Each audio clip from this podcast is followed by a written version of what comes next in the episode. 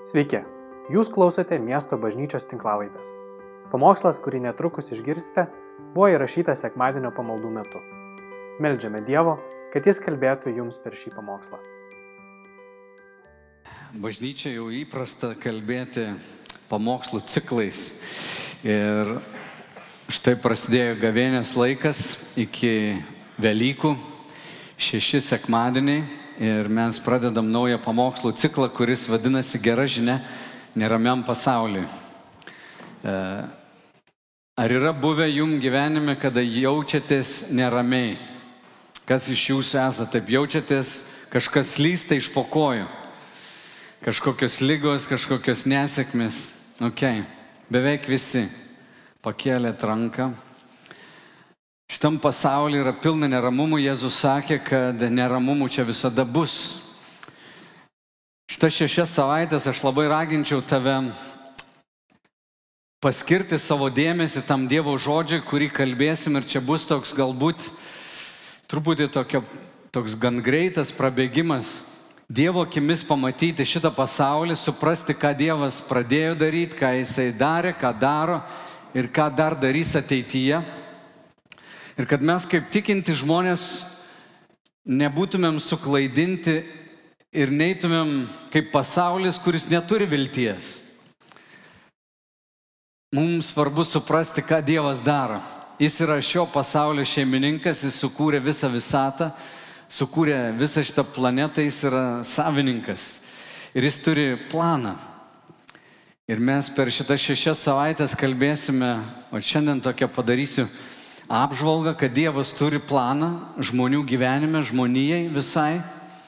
Paskui kalbėsim apie tai, kaip Dievas vargšą padaro turtingu, kaip ligonius išgydo, kaip jo karalystė ir jo valdymas pasireiškia, kaip jis išvaduoja iš piktojo ir piktų dvasių ir kokie yra ateities įvykiai, kas dar laukia šitos žemės, kas yra išpranašauta, kas yra įvykę ir kas dar įvyks ir ką reiškia mūsų ateitis ir mūsų pomirtinis gyvenimas.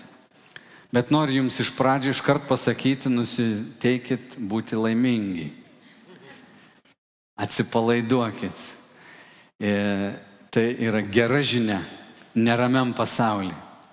Matot, pasaulyje žiūrai yra visokių. Žmonija kūrė įvairiausių ideologijų, daug rašytojų, filosofų kūrė utopinės visuomenės, Ir Marksas, ir Engelsas taip pat per klasių kovą bandė sukurti tobulą visuomenę. Žodžiu, daug bandymų buvo. Taip pat turi žinoti ir tu žinai tai, kad karalystės, kurios veikia šitoj žemėje, beveik visos karalystės subirėjo. Imperijos subirėjo, jos keičiasi. Bet tai, ką Dievas suplanavo, kas užrašyta šventame rašte, tie dalykai pildosi ir viskas, kas suplanuota, išsipildė. Aš noriu, kad tu pamatytum per šitas šešias savaitės, kad tai, ką Biblija kalba, yra neįtikėtinai, išskirtinai, unikalu. Ir kad tai yra daug daugiau negu ką žmonės sugalvoja. Toks jausmas, lik pirmą kartą girdėtume tai, ką sakau, gal čia ir geras dalykas. Uh. Jeigu jūs nesat perskaitę Biblijos, tai jūs esat neišsilavinę. Reikia, kaip krikščionis, tu turi perskaityti Bibliją. Čia mini interpas. Aš jūs raginu visus perskaityti Bibliją, kaip ten vienoje dainoje pasakyta, nuo viršelio iki viršelio. nuo pradžios iki galo. Man šiaip įdomu, kas iš jūsų esat perskaitę visą Bibliją? Ok, viltingai atrodo, gerai. Manau, kad ją reiktų skaityti daug kartų, e, nuo pradžio iki galo. Tai šiandien bus toks truputį prabėgimas ir visiems, kurie nesat skaitę, bus jums geras įėjimas į tai. Gi žmonių karalystės pakyla ir sugriūva, kai kurios dabar egzistuoja. Mes Lietuvoje kaip ir nebuvom ilgai jokioj karalystėje rimtoj ir karalių turėjom vieną ir švenčiam, e, kada ten Liepos 6 bet e, šiaip mums tai truputį svetima. Aš noriu jums parodyti tokią skaidrę, labai paprastą su medžiais apie Dievo sukūrimą. Dievas sukūrė pasaulį, davė žmogui valdžią valdyti, Paskui įvyko nuopolis ir visa tai aprašyta pirmose dviejose, trijose pradžios knygos skyriuose. Paskui vyksta atpirkimas ir Dievo karalystė vėl pradeda reikštis per Jėzų Kristų, bet dar yra atkūrimas. Ir Dievo planas yra toks a, progresyvus. Jeigu žvelgtumėm į Bibliją, kas yra įvykę praeitie ir kas dar įvyks ateityje, yra progresyvu. Jūs žinote, kad kitos religijos, tarkim, budizme, viltis yra, tu gyveni kažkaip gražiai, galiausiai tu išeini ir kaip lašelis ištirpsti jūrai, tu dinksti, susilieji su visata. Hinduistai tiki apskritai karma, bet tokia istorija neturi jokios prasmės. Viskas sukasi ratais, jeigu tu gerai moraliai gyveni, tai tavo kita karma, kitas gyvenimas bus geresnis. Krikščionybė nieko panašaus, yra progresyvu, Dievas sukūrė žmogų, jam duota gyventi 60, 70, gal 100 metų, paskui žmogus išeina susitikti su Dievu. Ir Dievas yra geras, jis yra šeimininkas ir visa valdžia, kuri yra šitoj žemėje, yra paties Dievo irgi patvirtinta ir, ir Dievas leidžia daugam vykti, bet viskas vyksta su jo prie, priežiūra. Kur bažnyčia ir tikintis kartais susikoncentruoja, tai yra pusė istorijos. Vat kita skaidrė, pažiūrėkit, yra dalis istorijos. Nuopolis ir atpirkimas.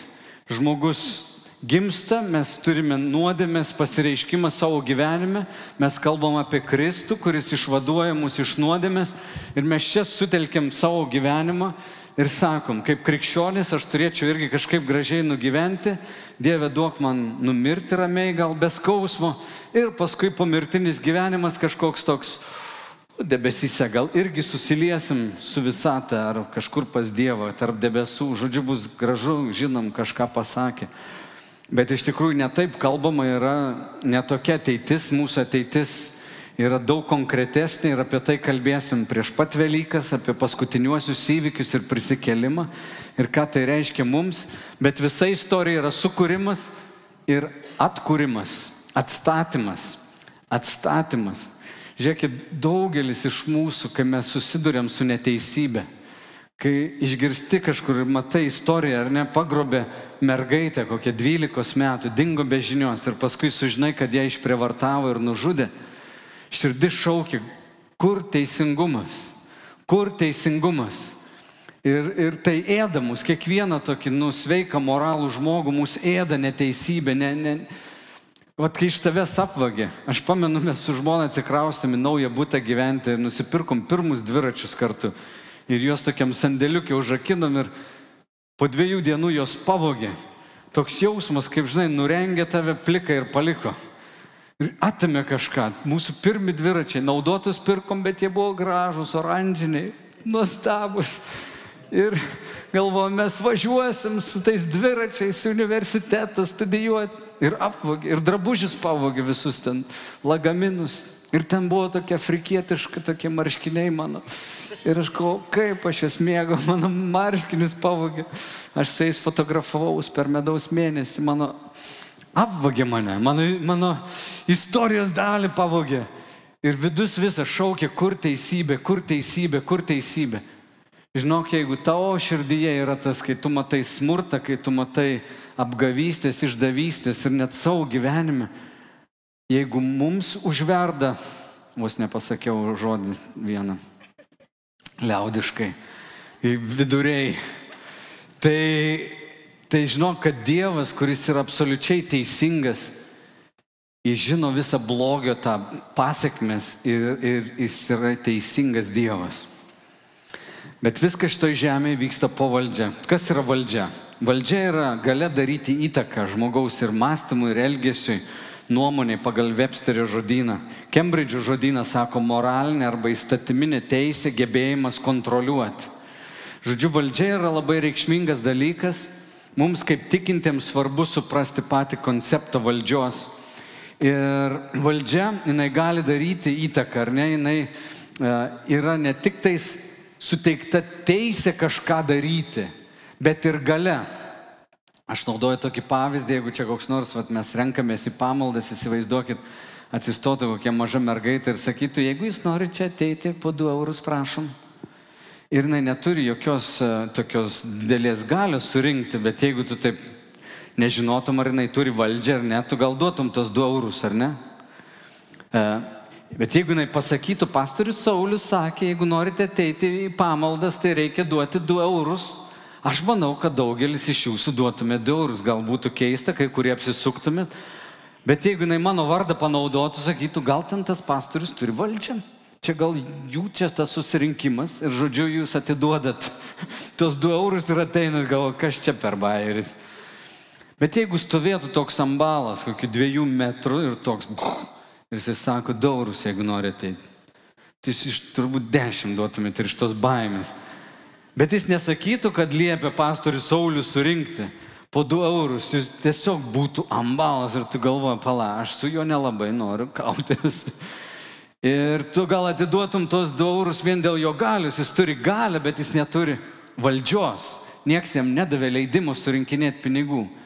Dievas, kaip žemės kuriejas, jis turi ir galę, ir valdžią. Suprantat skirtumą tarp galės ir valdžios? Vienas gali turėti galę, bet neturi valdžios. Policininkas gali būti labai toks kaip aš. Bet jis atsistoja su lasdelė ten, jisai gali visas mašinas išvaryti, kur reikia. Nes jis turi valdžią, jo antpečiai kalba, kad jis turi autoritetą ir valdžią. Mums svarbu suprasti, kad viskas šitoje žemėje veikia valdžios principu.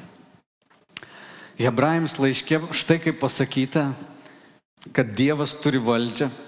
Daugel kartų ir įvairiais būdais praeitie Dievas yra kalbėjęs tėvams per pranašus.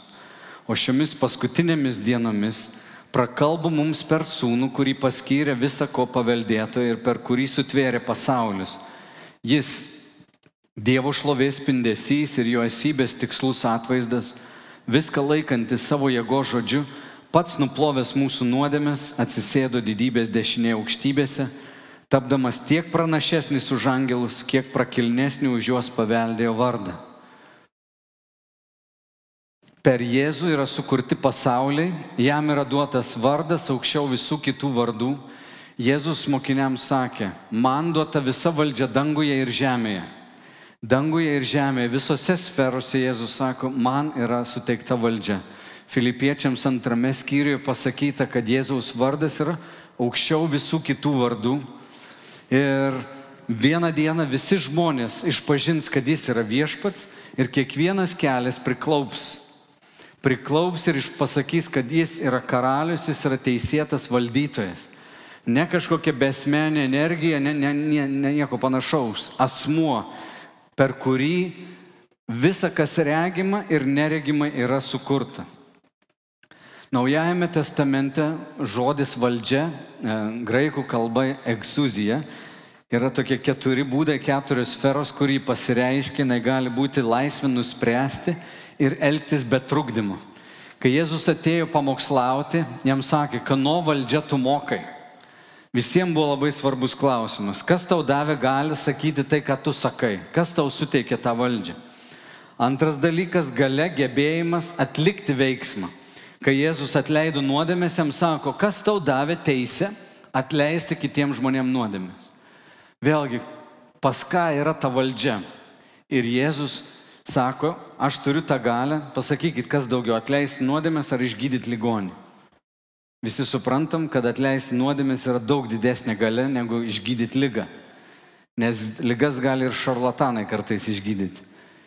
Ir Jėzus sako, bet kad žinotumėte, kad aš galiu atleisti nuodėmės, kelkis ir eik. Žmogus atsikelia ir sako, jeigu tu gali tą padaryti, tai tu gali ir tą padaryti.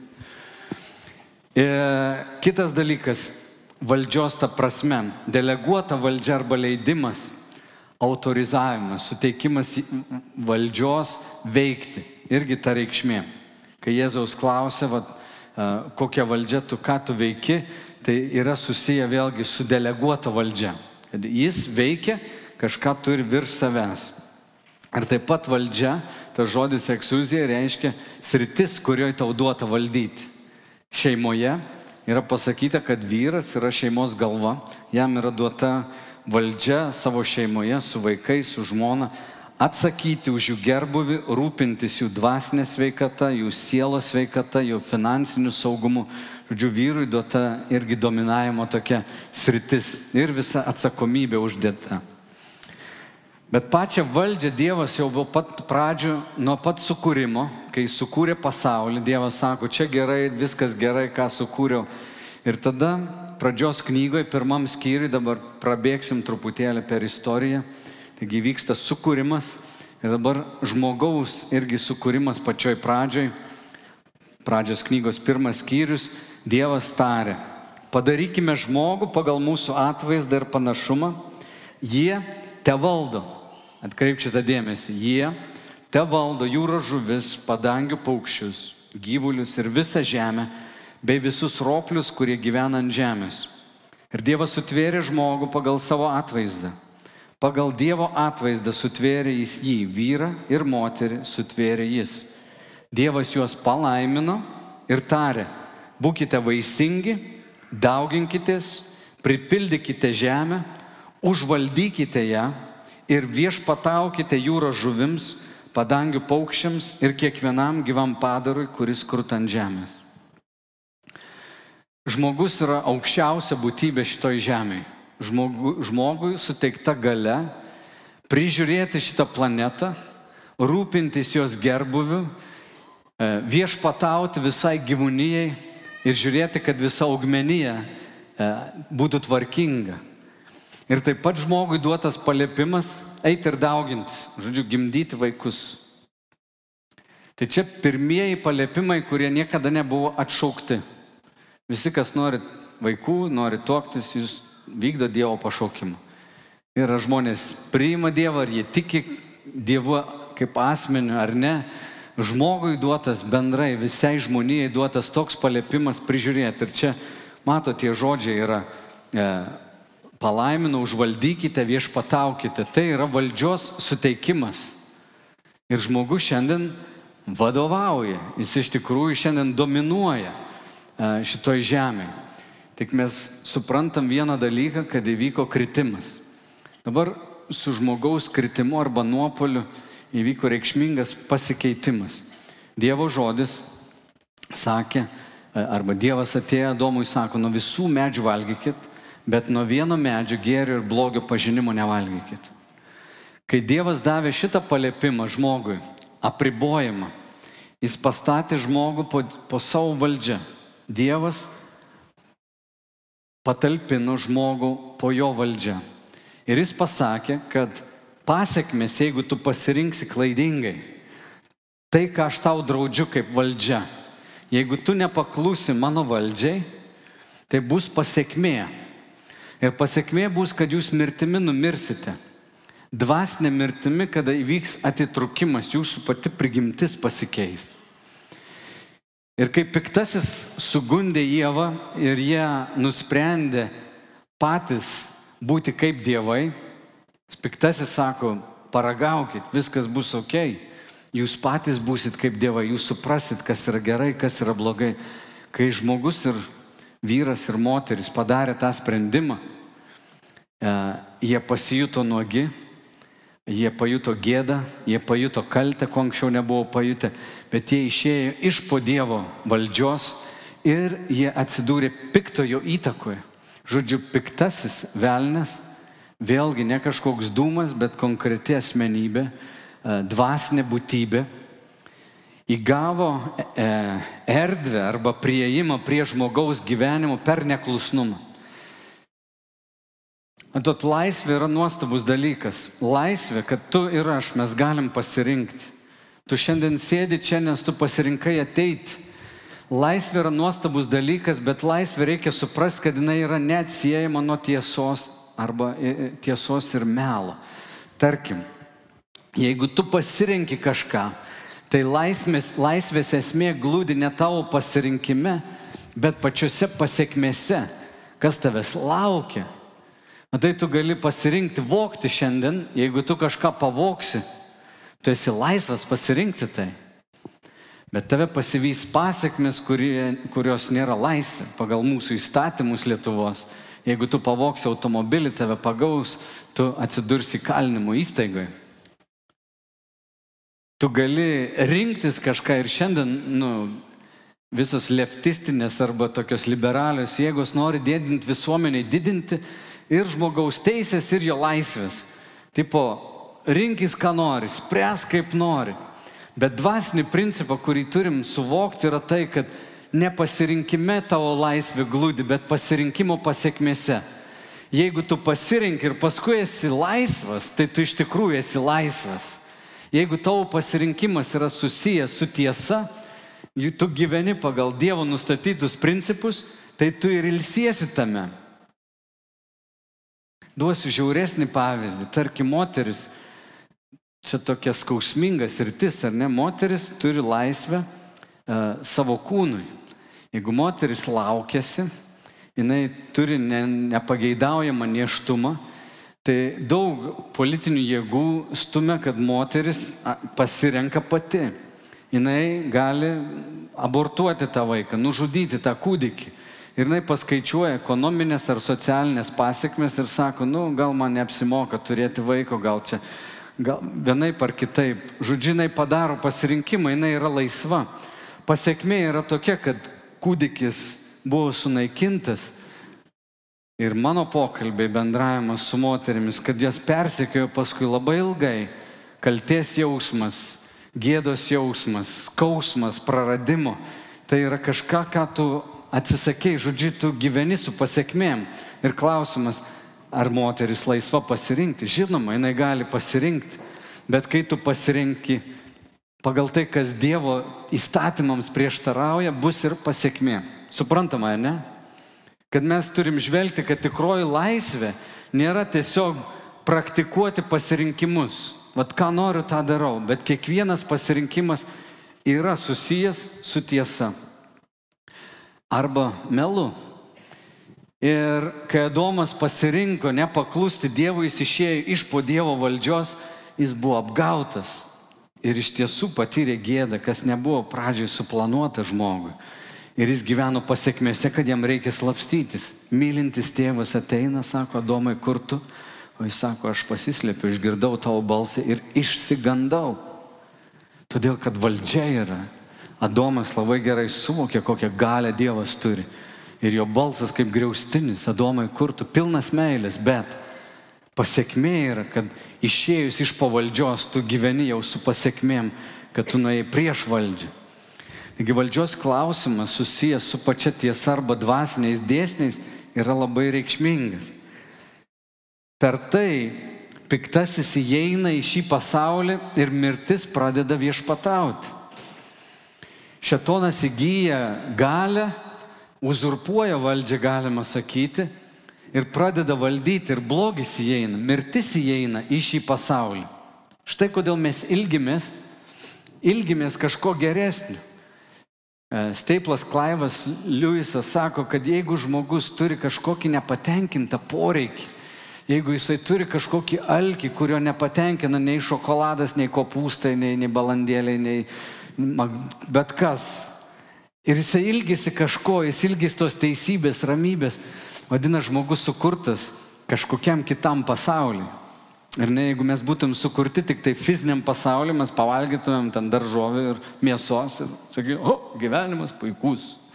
Bet mes ilgimės meilės, mes ilgimės kitų dalykų ir tai liudija, kad mes sukurti kažkam kitam. O čia Adomas praranda tai. Ir šetonas įgyja tą valdžią. Mes galim matyti Jėzaus gundime, kad šetonas veikia šitam pasaulyje ir viešpatauja. Štai trečias Jėzaus gundimas skamba taip. Velnes vėl paėmė jį labai aukštą kalną, mato ketvirtas skyrius, ir rodydamas viso pasaulio karalystės bei jų šlovę tarė jam. Visą tai aš tau atiduosiu, jei parpuolės pagarbinsi mane. Tada Jėzus jam atsakė, eik šalino mane šetone, nes parašyta viešpati savo Dievą te garbink ir jam vienam te tarnauk. O čia mes matom, kad Jėzus nesako, baig meluoti, tu neblefuok, tu nieko neturi. Jis ne, taip nesako, jis sako taip, tu čia valdai, yra daug šlovės, tu įtaką darai karaliams ir, ir politikams ir visiems kitiems, tu gali veikti juos, bet aš tarnauju savo tėvui. Jėzus yra pavaldžia išeiti iš po tos valdžios, pagarbinčią toną, tu gal ir gausi karalystę, bet pats jau išeini ir tu gyvensi su pasiekmėm tos kalties, tu išeini iš po tikrosios valdžios. Po tos nuodėmės laiškas romiečiams Paulius apaštalas rašo, Sako, nuodėmė buvo pasaulyje ir iki įstatymo, bet nesant įstatymo nuodėmė neįskaitoma. Vis dėlto nuo Adomo iki Mozės viešpatavo mirtis net tiems, kurie nebuvo padarę nuodėmių panašių nusikaltimo Adomo, kuris buvo būsimoji provaizdis. Čia paštalas Paulius duoda mums gilę tokią išvalgą, kad kai žmogus krito, netgi po to gimę vaikai, jie jau turi pažeistą genetinį kodą, nuodėmė jau yra juose ir sako, mirtis jų viduje jau viešpatauja, jau veikia mirties principai juose, neklusnumo principai, net sąmoningai nenusidėjus. Juk vaikų nereikia mokyti blogą daryti. Pastebėjot, kas turit vaikų, kažkaip jie tik ten neik. Ir būtinai jis ten turi eiti. Ir jisai išbando viską ir jisai gauna kažkokias pasiekmes ir mokosi, kur čia kaip gyventi. O įstatymas jau duodamas žmogui, paskui, kad žmogų kaip auklėt, bet mirtis nuo domo jau viešpatauja. Dabar pažvelkim, kaip Dievas veikia su žmogumi. Taigi Adomą jisai sukuria, duoda jam viešpatystę, Adomas išeina iš po tos valdžios, mirtis pradeda viešpatauti, net Adomo vaikai vienas sunus nužudo kitą mirtis pasireiškia ir fiziniais veiksmais. Mirtis juose verčia jau kitą dėl pavydo žudyti savo brolį, kraujo brolį, artimą savo. Ir mes matom, kad tos nesąmonės jau eina per visą tą laiką. Tada Dievas išsirenka savo tautą, kurią nori parodyti kaip pavyzdinę. Ir jis pakviečia Abraomą, randa žmogų, kuriam pasako. Pradžios knygos 12 skyrius. Viešpats tarė Bromui, palik savo šalį, giminės, tėvų namus ir eik į kraštą, kurį tau parodysiu. Ir padarysiu tave didelę tautą. Tave laiminsiu ir padarysiu tavo vardą garsu ir tu būsi palaiminimu. Aš laiminsiu tuos, kurie tave laimina ir prakeiksiu tuos, kurie tave keikia ir tavyje bus palaimintos visos žemės giminės. Atkreipkim dėmesį, jis paima žmogų Abraomą ir iš jo sukuria visą tautą per Abraomą, per jo sūnų Izaoką ir Izaoko sūnų Jokūbą. Pirmuosius patriarchus gimsta visa tauta, kurią mes šiandien pažįstam kaip žydų tautą. Ir Dievas išsirenka savo tautą ir sako, šita tauta bus ypatinga. Mano tauta, kuri palys po mano valdžia ir aš ypatingą dėmesį jiems rodysiu. Aš juos laiminsiu, rodysiu savo palankumą kad per juos būtų palaimintos ir kitos tautos. Žydų tautoje šiandien galbūt yra žydų apie, aš gal klystu, bet kažkada girdėjau apie 7 milijonai. Man atrodo, Izraelija gyvena gal 5, gal daugiau kažkiek. Aš gal klystu, bet tikrai ne 50, galbūt 10, ar ne? Du trečdaliai visų Nobelio premijos laureatų yra žydų kilmės. Jų išsilavinimas, jų įtaka yra didelė ir jie yra ypatingi. Jokia kita tauta nebuvo tiek persekiojama ir žudoma kaip, kaip, kaip žydų tauta. Buvo tokie žmonės kaip Hitleris, kurie pasakė, antras pasaulinis karas baigsis tada, kai paskutinis žydas bus užmuštas. Jam nepasisekė. Dievas išsirinko tautą ir žydų tautą jis turi planą, apie tai vėliau dar pakalbėsim. Bet jūs turite žinot, kad visotos kuriejas sukūrė tautą per Abraomą, kuriuos palaiminu. Ir davė palaiminimą ir palankumą ypatingą šitai tautai. Tik vėliau, vėliau jisai davė jiems įstatymą, kad tuo įstatymu prižiūrėtų jų visą socialinį gyvenimą, jų religinės apeigas. Davė įstatymą, kuris yra prašytas Senajam testamente.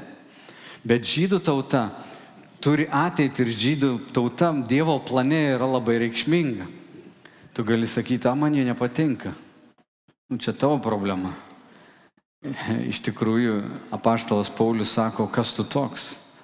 Argi Dievas negali išsirinkti, ką jis nori? Tarp kitko, Bromas galėjo būti Jonas Jonaitis. Tada būtų buvus ten lietuvių tokia tauta. Esmė ne tame. Bet Dievas išsirinko juos ir nusprendė parodyti savo palankumą ir savo malonę. Ir jeigu tu studijuosi žmonijos istoriją, yra kažkas unikalaus. Tai tauta, kuri buvo persekiojama. truputį toks nukrypimas, kai žydus pradėjo persekioti Anglijoje, visi išsikraustė Vokietiją, viduramžiai, ne? Tada persekiojo jos Vokietijoje ir mūsų kunigaikštis Vytautas davė leidimą žydams atsikelti, žydai atsikėlė. Lietuvos ribos išsiplėtė iki pat Ukrainos, iki, tų, iki Jodosios jūros, klėstėjimas, daug, daug pinigų atėjo, bet žydai visada buvo kažkieno nekenčiami, persekiojami.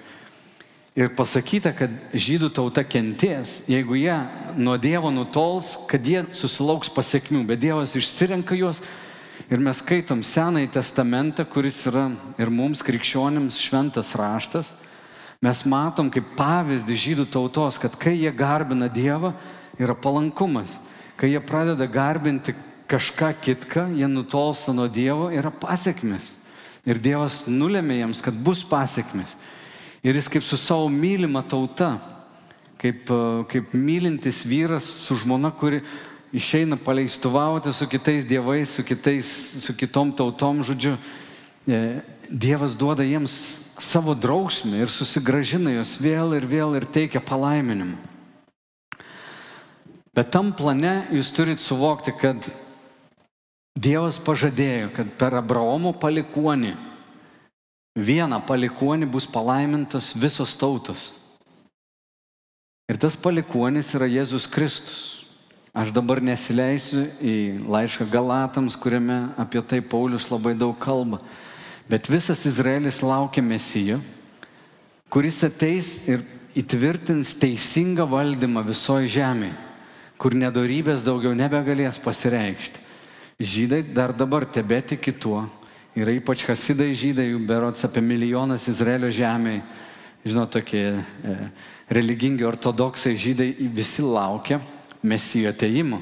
Yra vartai, jie žino, kad per juos jisai turi įeiti į Jeruzalę, į konkrečią Jeruzalę, kur yra dabar. Nesileisiu labai daug iš tos detalės dabar, bus atskirai apie tai. Bet Jėzus Kristus buvo lauktas mesijas, palikuonis, kuris sutraiškis šetonui galvą jau pradžios knygoje pasakyta apie moterį pranašystę, kad ji pagimdys sūnų, kuris sutraiškis šetono galvą arba sutraiškis jo valdžią, galva ir kalba apie valdžią, kad valdžia bus sugražinta. Ir čia žydų tauta iki to laiko jinai buvo Dievo ta favoritė tokia išrinkta. Ir kažkas labai reikšmingo įvyko, kai žydų tauta atmetė Mesiją. Jie buvo tie, kurie nusigrėžė nuo jo. Pats žydas Jonas, apaštalas, visi apaštalai buvo žydų kilmės. Jis sako, jis atėjo pas savuosius, savie jo nepažino ir jį atmetė.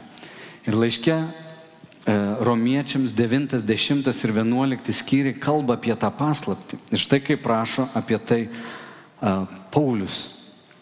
Sako, aš nenoriu, broliai, palikti jūsų nežinioje dėl šios paslapties kad jūs, čia pagonims kalba, romėnams, kad jūs apie, apie, aukštai apie save nemanytumėte. Dalis Izraelio užkietėjo, kol įeis pagonių visuma. Tada bus išgelbėtas visas Izraelis, kaip parašyta. Iš Sijono ateis gelbėtojas ir nukreips bedėvystės nuo Jokūbo. Žodžiu, jis sako, dalis Izraelio užkėtėjo. Apaštalai buvo irgi dalis Izraelio, kurie neužkėtėjo. Ir pirmoji bažnyčia buvo krikščioniška, vien žydų kilmės, vien žydų kilmės. Bet dalis užkėtėjo, kad pagonis įeitų. Tokia bus jiems mano sandara, kai nuimsiu jų nuodėmės. Raštas sako, duoda jiems pažadą, kad vieną dieną visas Izraelis irgi bus atnaujintas, jų nuodėmės bus atleistos. Žiūrint Evangelijos, jie yra Dievo priešai jūsų naudai. Bet pagal išrinkimą jie numylėtiniai dėl savųjų tėvų. Juk Dievo dovanos ir pašaukimas neatšaukiami. Kaip jūs kadaise netikėjote Dievu, o dabar per jų netikėjimą patyrėte gailestingumą, taip ir jie dabar netiki, kad kol dėl jums suteikto pasigailėjimo ir jie sulauktų gailestingumo. Dievas juos visus uždarė netikėjime, kad visų pasigailėtų, o Dievo turtų, išminties ir pažinimo gelme, kokie neišteriami jo teismai ir nesusekami jo keliai. Ir kasgi pažino viešpaties mintį, ir kas buvo jo patarėjų, Arba kas jam yra davęs pirmas, kad jam būtų apmokėta, atmokėta. Iš jo per jį ir jam yra visa. Jam šlovė per amžius. Amen.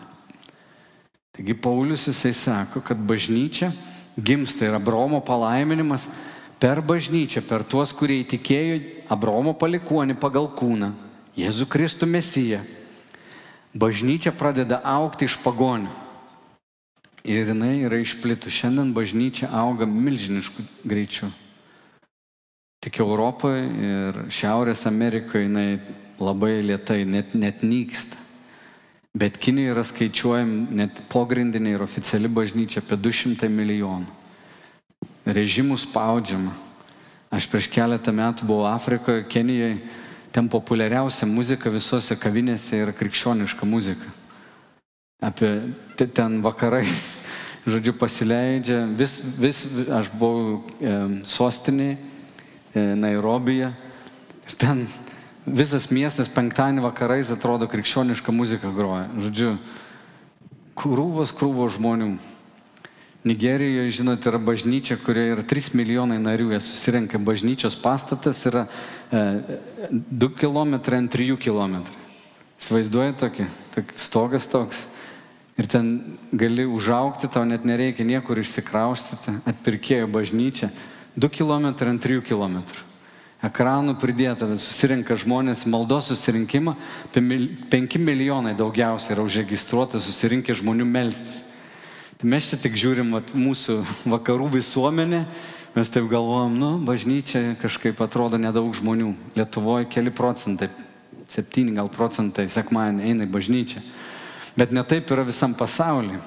Pas mus neseniai buvo iš Korejos atvažiavę pastoriai. Tai Koreja yra absoliutus fenomenas ten bažnyčių pilna. Amerikoje, Nešvilė, kažkada buvo ten yra gatvė, 10 km ilgio centrinė gatvė, joje yra 46 bažnyčias. Mažiausia bažnyčia yra 3000 narių. Kai būni parduotuviai, tau sako, o labas, nematytas ten, į kokią bažnyčią tu lankai. Pirmas klausimas. Kaip čia tave dabar patalpinti, kurią dėžutę? Tai iš kurios tu bažnyčias? Um, Bet pasaulyje šiuo metu vyksta milžiniškas augimas bažnyčios. Žmonės įtiki ir visuomenės, kurios yra ir Indijoje bažnyčia auga. Aš per paskutinius tris metus sutikau vieną pastorių iš Kinijos, kurio bažnyčia yra 10 milijonų, visas tinklas, o kitą Indą sutikau Švedijoje konferencijoje prieš porą metų. Jo bažnyčia 15 milijonų žmonių. Nu, ne vienoje vietoje, bet visam tam tikle. Ir taip klausais galvo, ne, Aš, aš net nesuprantu, sunku suvokti, palauk. Pas mus 2,5 milijono liko Lietuvoje. Ir tai sunkiai kažkaip sutelpa, kad, žinai, visis, visą Lietuvą sueitų pasimelsti. E, bet jums būtų gerai pasižiūrėti, galbūt paguglinti truputėlį, pažiūrėti, kas vyksta pasaulyje. Bet bažnyčia išplito ir karalystės byra, bet bažnyčia turi ateitį ir jos nieks nesustabdys. Ja naikino komunistai, ir, ir, bet jinai nesunaikinama. Somalija komunistų partija naikino bažnyčią, vienas procentas buvo likę e, iki 90-ųjų metų ir paskui komunistinis režimas subirėjo Somalijai. Ir per 10 metų 18 procentų žmonių tapo krikščionimis. Tai yra penktadalis visų visuomenės gyventojų tapo tikinčiais Jėzų Kristų. Somalijai šiuo metu. Gali įsivaizduoti, koks pokytis. Žodžiu, Dievo karalystė, kaip vienas iš bažnyčios tėvų sakė, jinai juda lietai, bet yra nesustabdoma. Nes tai yra Dievo planas, Dievo veikimas. Ir Paulius sako, kad bažnyčia yra ta paslaptis.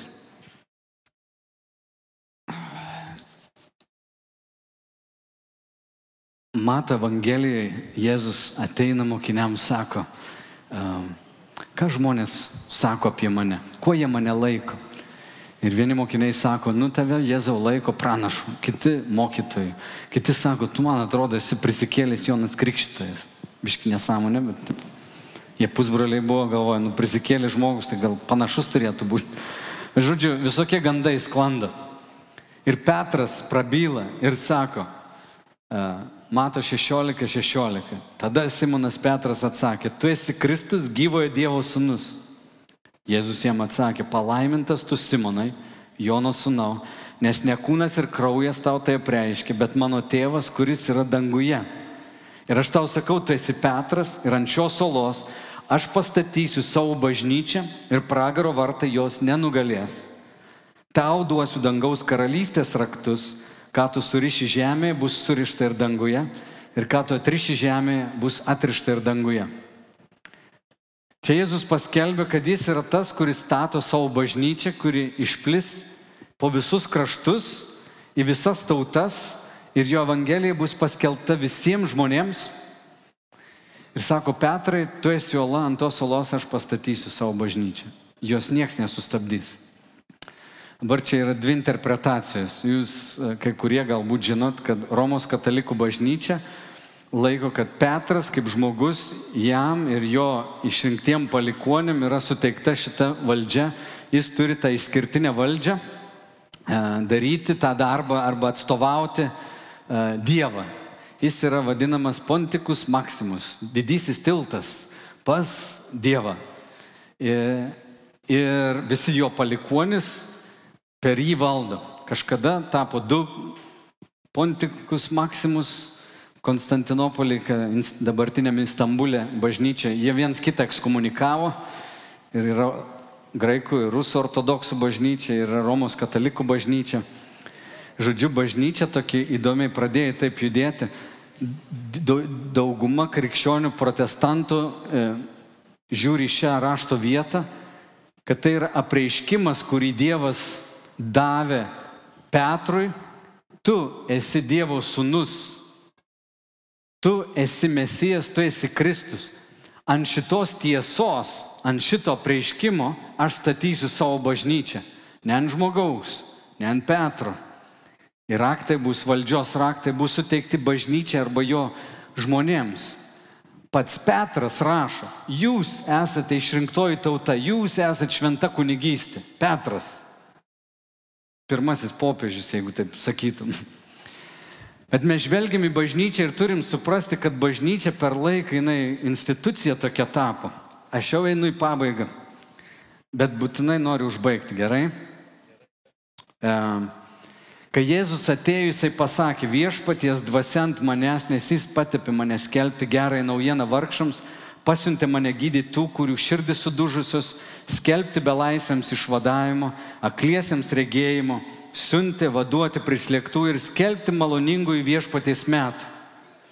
Jėzus įvardyja, kad jo pagrindinė misija yra atstatyti, kaip toj pirmoji skaidriai, atnešti atpirkimą Ir kad žmogus, kuris buvo po piktojo valdžia ir mirtyje, niekada nebemirtų. Jėzus sako, kas tiki mane, niekada nemirs.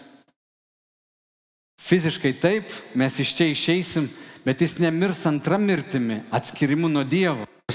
16 skyriui aš pastatysiu savo bažnyčią, žinot, koks graikų kalbos žodis yra naudojamas? Eklezija. Eklezija yra sekuliarus žodis, kuris naudojamas susirinkimui, surinkimui. Žodžiu, žydų tauta, kuri būdavo paplitusi, visa diaspora, jinai buvo diaspora, darydavo ekleziją, susirinkimus. Kai Romos imperatorius norėdavo paskelbti naują įstatymą, jisai pasiūsdavo visą imperiją ir visas miestas ten padarydavo ekleziją, susirinkimą. Susirenka visi ir išgirsta naujieną. Nuo šiandien mokesčiai padidės. Žinot tą bairį, ne? kad niek žemė nesikeičia, tik mokesčiai ir mirtis. Ne? Yra, mokesčiai ir mirtis nesikeičia, visa kita keičiasi. Žodžiu, mokesčiai bus didesni, eklezija, susirinkimas. Bet kas įvyko su bažnyčia? Ir čia labai reikšminga, aš noriu, kad jūs suprastumėt, ant kiek Jėzus Kristus tave yra įgalinęs nešti karalystės žinę. Kai jis sakė susirinkimas, tai buvo gyvi akmenys, bažnyčia, kuri juda, kuri yra nepagaunama. Ir pirmieji amžiai bažnyčia yra persekiojama nuolat. Jos žudo, jos degina. Romos imperijoje imperatorius sako, aš esu aukščiausia valdžia, aš esu Dievas. Imperatorius visada buvo Dievas. Ir krikščionis sako, ne, Jėzus Kristus yra Dievas. Ir juos už tai politiniu pagrindu, religiniu pagrindu jo žudo. 313 metai Konstantinas, imperatorius pirmasis, pasiskelbė, kad yra Jėzaus sekėjas. ir legalizuoja bažnyčią, krikščionišką bažnyčią ir paverčia ją irgi instituciją. Ir sakytum, koks fainas dalykas, pagaliau krikščionis turi politinę valdžią ir jų nieks nebeskriaudžia. Kaip fainai, brangieji, kad tik politikai mus paremtų, kad tik tais mokesčių pinigų duotų bažnyčios veiklai. Tai tą padarė Konstantinas. Bet su tuo, žinot, koks vienas dalykas įvyko. Jie pavertė bažnyčią tą žodį iš lotynų kalboje bazilika. Tai buvo teismo rūmų pagrindų pradėjo statyti šventovės, kas būdinga tik pagonims ir bažnyčia tapo šventovė, vieta, bazilika. Ir šiandien mes turim Petro baziliką Romoje. Ir Romos imperija pradėjo tas bazilikas statyti. Tarp kitko, Romos katalikų bažnyčia kažkaip padarė iš, iš dviejų Jėzaus sakramentų septynis sakramentus ir visi jie yra administruojami šventykloje, pastate. Pačiam pastate. Nori būti sutuoktas, nori gauti komuniją, visa tai vyksta tik pašventintoje vietoje, vyskupo pašventintoje šventykloje. Bet Jėzus įkūrė judėjimą Ir pradžioj, pirmi šimtmečiai krikščionys eina, žinai, jie paplito visur, po visą pasaulį. Ir jų neįmanoma sunaikinti, jų neįmanoma sustabdyti. Eklezija buvo judėjimas, susirinkimas. Trys jūs susirinkat namuose, jūs esat eklezija, kurios pragaro vartai nenugalės. Įsivaizduojat? Bet sąmonė tai pradėjo, kad tapo bazilikos, šventa vieta. Žodis bažnyčia lietuvių kalboje, žinot iš kur atėjo? iš senos baltarusių ir lenkų kalbos - božnica. Šventovė, garbinimo vieta, vieta. Ir bažnyčia viduramžiais jinai tiek uh, sustabarėjo, tiek nutolo nuo Jėzaus to judėjimo ir Dievo valdžios tokios karalystės veikimo, kad pirmieji žmonės kaip Janas Husas, čekas, pradėjo kalbėti, kad ne, Dievas savo žodį davė, apreiškimą, kaip, kaip apreiškimą, ant jo jisai stato bažnyčią. Tai bažnyčia, Jėzaus Kristaus bažnyčia, ar ne tuo metu, Romos katalikų bažnyčia, Jana Husą sudegina.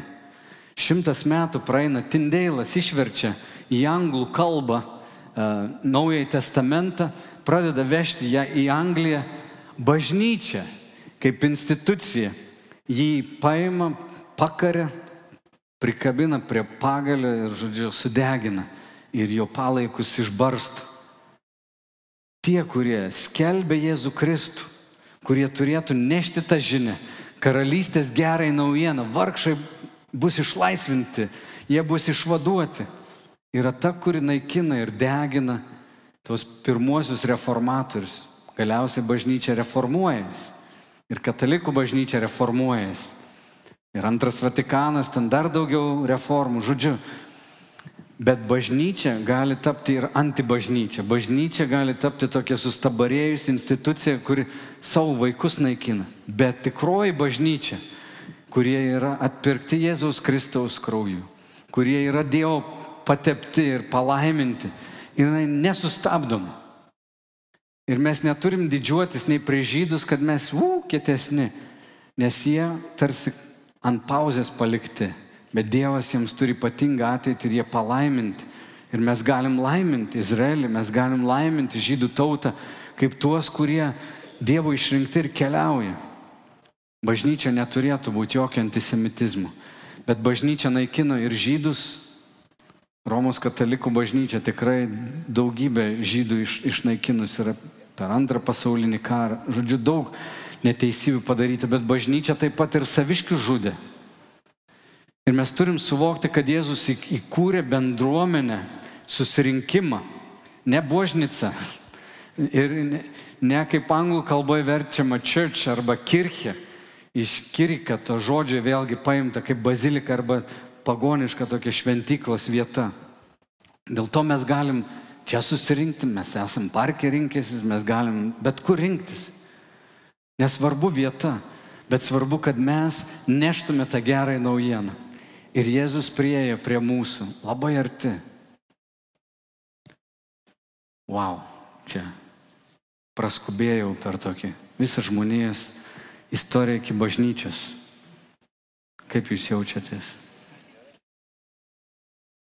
Ar susiformavo jums tas toks paveikslas. Dievas iš tikrųjų nieko nėra palikęs.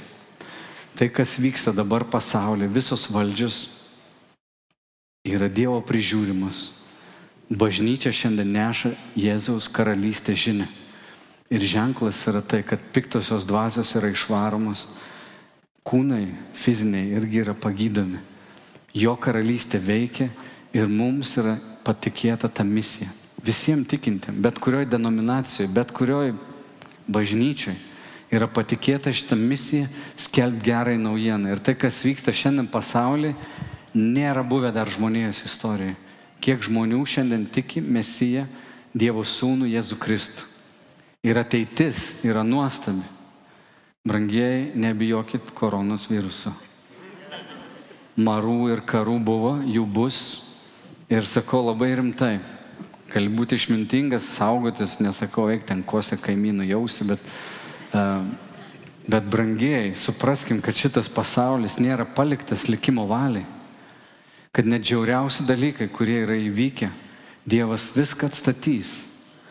Ir neapsiribokim suvokimu, kad tik tais fiziniam pasauliui teisingumas turi būti tvirtintas. Vieną dieną jis bus įtvirtintas, bet visi gyvėjai ir mirusieji bus teisiami viešpaties Jėzaus.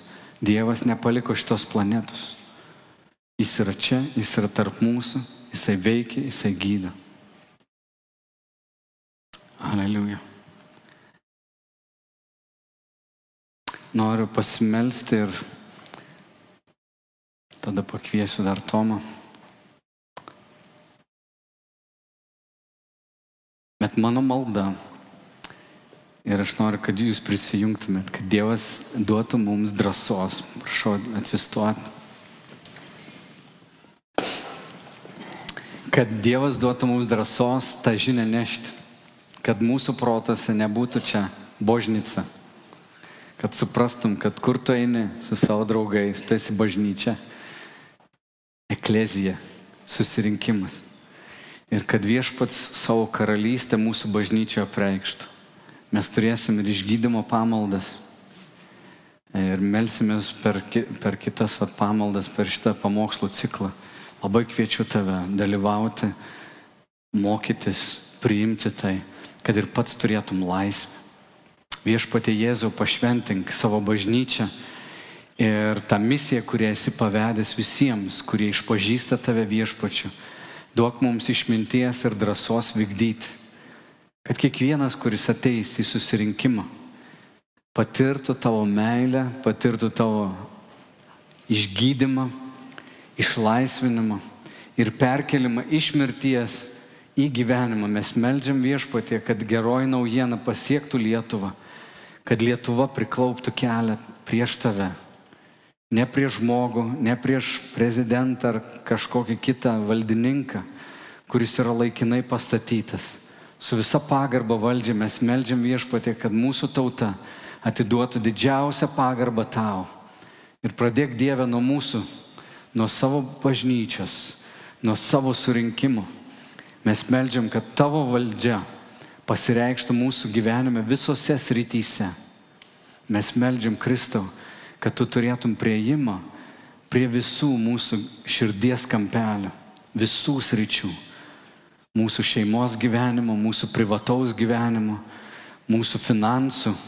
Viešpatė Jėzaus, kelbėme tave viešpačiu ir kviečiame, kad tu viešpatautum ir kad mes būtumėm Abromo palikonis, kurie gaunam tą Abromo palaiminimą. Dėl to, kad gyvenam po tavo valdžia. Mes to prašom ir prieš tai lenkiamės Jėzaus Kristaus vardu. Amen. Amen. Ačiū, kad klausėte. Daugiau informacijos apie miesto bažnyčią rasite internete www.m-b.lt arba Facebook, Instagram bei YouTube paskiruose.